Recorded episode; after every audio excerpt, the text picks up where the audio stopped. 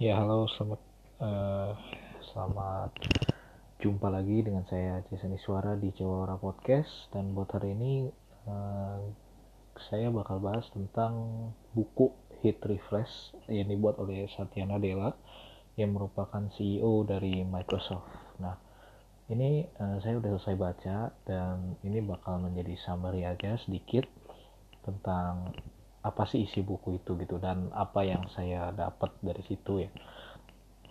Nah, jadi awalnya itu Satya Nadella adalah CEO Microsoft yang mungkin sampai sekarang pun dia masih CEO. Dia itu menggantikan Steve Ballmer, jadi itu CEO sebelumnya yang di Microsoft uh, pada tahun sekitar mungkin 2014 ya sekitar segitulah. Nah, jadi Uh, sebagai latar belakang, Satya Nadella itu adalah orang India, jadi dia tuh emang dari India dan istilahnya dia tuh demen sekali main kriket gitu ya. Nah dia tuh demen dia demen main kriket. Nah kenapa dia bisa di Microsoft? Karena dia tertarik uh, kepada komputasi dan waktu itu dia kayak pokoknya dilamar kerja kalau nggak salah sih ya ke Microsoft dan akhirnya diterima. Nah kita uh, bakal bahas tentang latar belakangnya si Satya Nadella ini. Jadi awalnya itu dia nggak kepikiran soal komputer gitu. Dia yang di uh, pikiran dia itu kriket, kriket dan kriket gitu kan. Pokoknya apa pun kriket lah. Dan di situ kayak sampai sampai sekarang pun dia bilang bahwa dia tetap suka kriket karena di situ di kriket itu ya adanya kerjasama. Terus yang kedua istilahnya dia tuh itu uh, bisa membalikan keadaan ya kayak misalnya kayak sepak bola lah ya. Nah kayak sepak bola dari 2-0 di babak pertama di babak kedua bisa 3-2 gitu kan.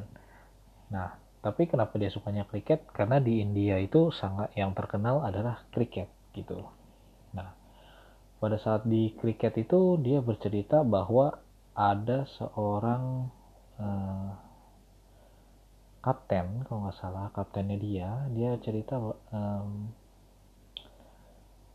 kap, jadi dia tuh uh, dia atau tem, ada satu orang ya aku, uh, saya lupa. Jadi kayak gagal gitu. Kayak misalkan kan jadi kriket itu kayak mukul bola lah ya kayak mukul bola. Nah itu tuh kayak oh enggak dia tuh pitchernya. Pitchernya itu lempar tapi berkali-kali kepukul sama lawannya gitu kan. Nah udah dua kali pitchernya down kan. Tapi uh, pemimpinnya ini kaptennya ini bilang ke pitchernya ayo lu coba lagi. Misalnya kayak disemangatin gitu loh. Dan setelah coba lagi pitchernya ternyata bisa uh, lebih maksudnya bisa nggak dipukul bolanya gitu. Nah di situ dia belajar bahwa saat kita, dia menjadi pemimpin dia pun harus berempati kepada bawahannya gitu. Nah dia berempati kepada bawahannya ya istilahnya uh, buat semangatin bawahannya gitu menyemangati timnya. Nah dia kan dia menikah tap dan istilahnya dia tuh dari bapaknya bapaknya kalau nggak salah orang pemerintahan deh orang pemerintahan gitu kan.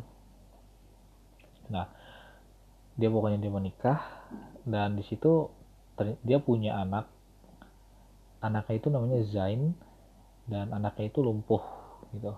Nah di situ dia juga harus belajar lebih banyak soal empati gitu. Karena misalnya anaknya ya dia anaknya terlahir dengan lumpuh. Dan dia kayak misalnya dia bersyukur banget kayak istilahnya istri uh, istrinya itu mau merawat anaknya. Dan itu sangat kayak ya mau nggak mau dan ya bukan mau nggak mau sih sayang lah kepada anaknya meski anaknya lumpuh itu dia tetap usaha gitu. Nah uh, nah di tengah kelumpuhan anak-anaknya ini dan dia melihat bahwa Microsoft jadi Microsoft ini sangat-sangat ngebantu gitu. Teknologi lah ya pada umumnya sangat ngebantu uh, anaknya ini. Jadi kayak meski lumpuh dia bisa dia lebih bisa uh, lebih bisa berkomunikasi dan melakukan hal-hal yang lain gitu. Kayak misalkan kalau kita lihat kayak Stephen Hawkins yang kayak misalkan dia udah eh, nggak uh, bisa ngapa-ngapain gitu kan tapi dia masih bisa ngomong. Nah itu kan gara-gara teknologi kan. Nah dia percaya banget kayak misalnya teknologi itu bisa membawa kebaikan gitu si Satya Nadella ini. Nah uh, pada saat itu udah masa lalunya habis itu dia pada saat awal-awal dia di menjabat menjadi CEO dari Microsoft jadi Microsoft ini kan yang dibuat sama Bill Gates ya. Cuma kan Bill Gates udah nggak terlalu fokus nih uh, di di Microsoftnya. Dia dia lebih fokus ke fondasi foundationnya. Ke yayasan Bill Gates itu loh Gates Foundation. Nah pada saat awal-awal yang menurut dia sulit itu adalah buat membangun jiwanya Microsoft gitu. Nah jadi kan uh, dia udah cukup lama di Microsoft dan dia nggak kepikiran sebenarnya dia bakal jadi CEO. Nah, tapi istilahnya uh, akhirnya dia jadi CEO dan yang pertama dia lakukan adalah buat ngebangun budayanya gitu, ngebangun jiwanya Microsoft gitu. Kayak yang dia lihat, oh ini udah jadi kayak politik di dalam perusahaan gitu, udah soal politik, terus kayak orang-orangnya tuh tidak uh, menggebu-gebu gitu ya.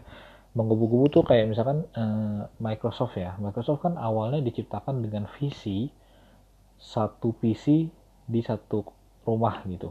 Istilahnya satu rumah punya PC personal komputer kan ya udah akhirnya ya akhirnya berkembang dengan zaman Microsoft udah nyampe udah nyampe ya istilahnya sudah mencapai hal itu pada umumnya. Karena sekarang kan kita kita gampang banget temuin PC kan?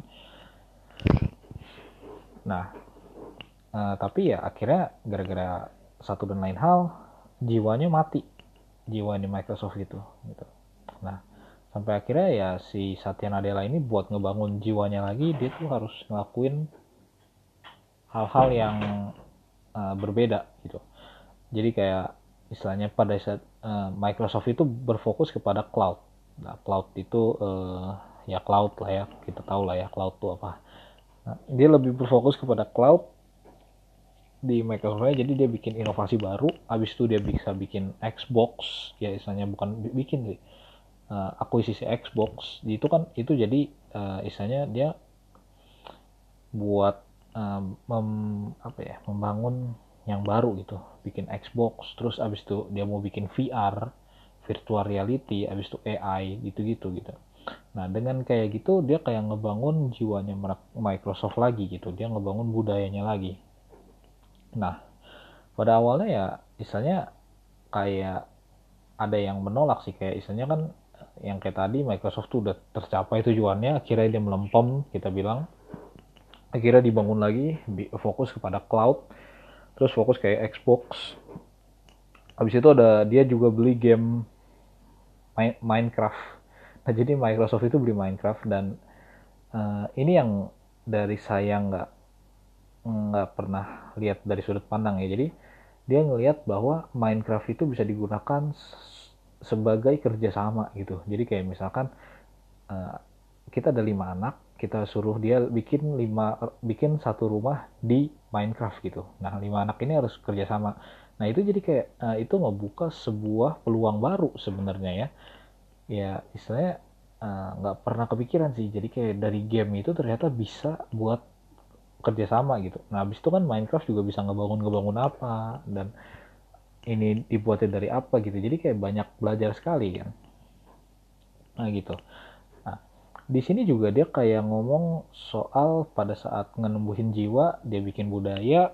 Habis itu dia juga ngomong soal kolaborasi gitu. Dia dengan kolaborasi dengan yang lain. Kayak misalkan kolaborasi pada saat itu uh, kalau nggak salah Nokia ya dia kol dia kolaborasi sama Nokia habis itu uh, dia kolaborasi sempat gara-gara dia gara-gara istilahnya dia sama Nokia ini dia agak jauh sama Samsung tapi dia kolaborasi lagi sama Samsung gitu. Dan dia lebih percaya bahwa uh, kita tuh harus kolaborasi gitu di dalam buat teknologi ini. Nah kolaborasi ini juga penting. Kayak misalkan uh, dia kolaborasi soal sama Amazon sama yang perusahaan-perusahaan teknologi lainnya buat membangun AI uh, ya nah buat AI itu dan juga dia uh, kerjasama buat membangun keamanan. Karena istilahnya dia percaya bahwa di dalam uh, teknologi kayak misalkan kalau misalkan Microsoft ya perusahaan gede gitu tidak bisa menjamin keamanan yang nggak bakal dipakai sama orang. Karena istilahnya ya privasi gue bakal hilang gitu. Dan dia di situ dia menjamin keamanannya gitu. Jadi harus dia jamin keamanannya dengan cara ya istilahnya dengan kerjasama dengan yang lain. Nah dia juga dia lebih percaya teknologi itu bakal menjadi uh, hal yang ngebangun orang gitu. Jadi dengan adanya teknologi istilahnya itu bakal membuka lapangan pekerjaan baru gitu. Nah kan kita uh, kita sering mendengar dan kita sering lihat lah bahwa kayak misalkan jalan tol aja jalan tol awalnya sama orang terus sekarang tinggal tap doang. Itu kan mengurangi lapangan pekerjaan. Tapi dia percaya bahwa ya sebenarnya AI itu bukan komputer itu membuka lapangan pekerjaan dengan yang baru tapi dengan keahlian yang berbeda gitu kan. Nah cara buat membangun keahlian itu adalah dengan cara ya negara ini negara men menyediakan pelatihan buat hal seperti itu gitu. Jadi orang-orang memiliki skillnya. Gitu. Nah ya dia juga lebih percaya bahwa ya meski kayak istilahnya banyak bias tentang teknologi ya teknologi jahat terus kita misalkan kayak Terminator AI bisa lebih AI bisa lebih pintar dari manusia atau gimana ya pada saatnya mungkin AI bakal melakukan ya AI bakal melakukan apa yang kita suruh lakukan gitu manusia lakukan eh suruh lakukan. Maka dari itu sih ya gue juga percaya bahwa teknologi itu sudah mempermudah hidup kita lah dalam segala aspek kayak misalkan ini kita bisa record podcast ini kita bisa lihat entertainment kita bisa lihat apa kita bisa lihat uh, Instagram Facebook ya meski ada negatif negatifnya dan banyak ya. Tapi positifnya pun banyak itu tergantung kita lihat dari yang mana. Dan emang kita saat ini perlu buat uh, mengasah skill sih istilahnya. Skill kita buat lebih ngerti kenapa teknologi ini dibuat terus kayak istilahnya uh, mungkin logic di belakang teknologi itu kali ya. Istilahnya logic tuh gimana? Kayak misalkan hmm, AI AI itu dibuatnya gimana? Ya mungkin uh, konsepnya aja sih. Konsepnya aja. Terus kayak misalkan sekarang ada teknologi baru blockchain. Kenapa blockchain ada? Kenapa blockchain aman? Misalkan. Terus apa istilahnya? Ya kita bisa ngerti-ngerti dikit lah kenapa teknologi itu bisa gitu. Karena istilahnya negara dan yang telat mengadopsi teknologi ya istilahnya itu bisa berkembang lebih lama gitu. Pada overall sih bukunya bagus menurut uh, menurut gua. Kayak istilahnya dia nyeritain tentang perspektif dia bagaimana dia jadi CEO Microsoft dan bagaimana uh, kulturnya kultur dia ngebangun kulturnya habis itu uh, pendapat dia tentang se secara umum tek, uh, keadaan dunia teknologi gimana dampaknya teknologi ke ekonomi gimana gitu. Dengan kayak gitu sih kak uh, bisa ngebuka bisa ngebuka pikiran sih sebenarnya. Paling itu aja sih buat hari ini karena udah agak panjang juga. Uh, thank you for listening. Bye bye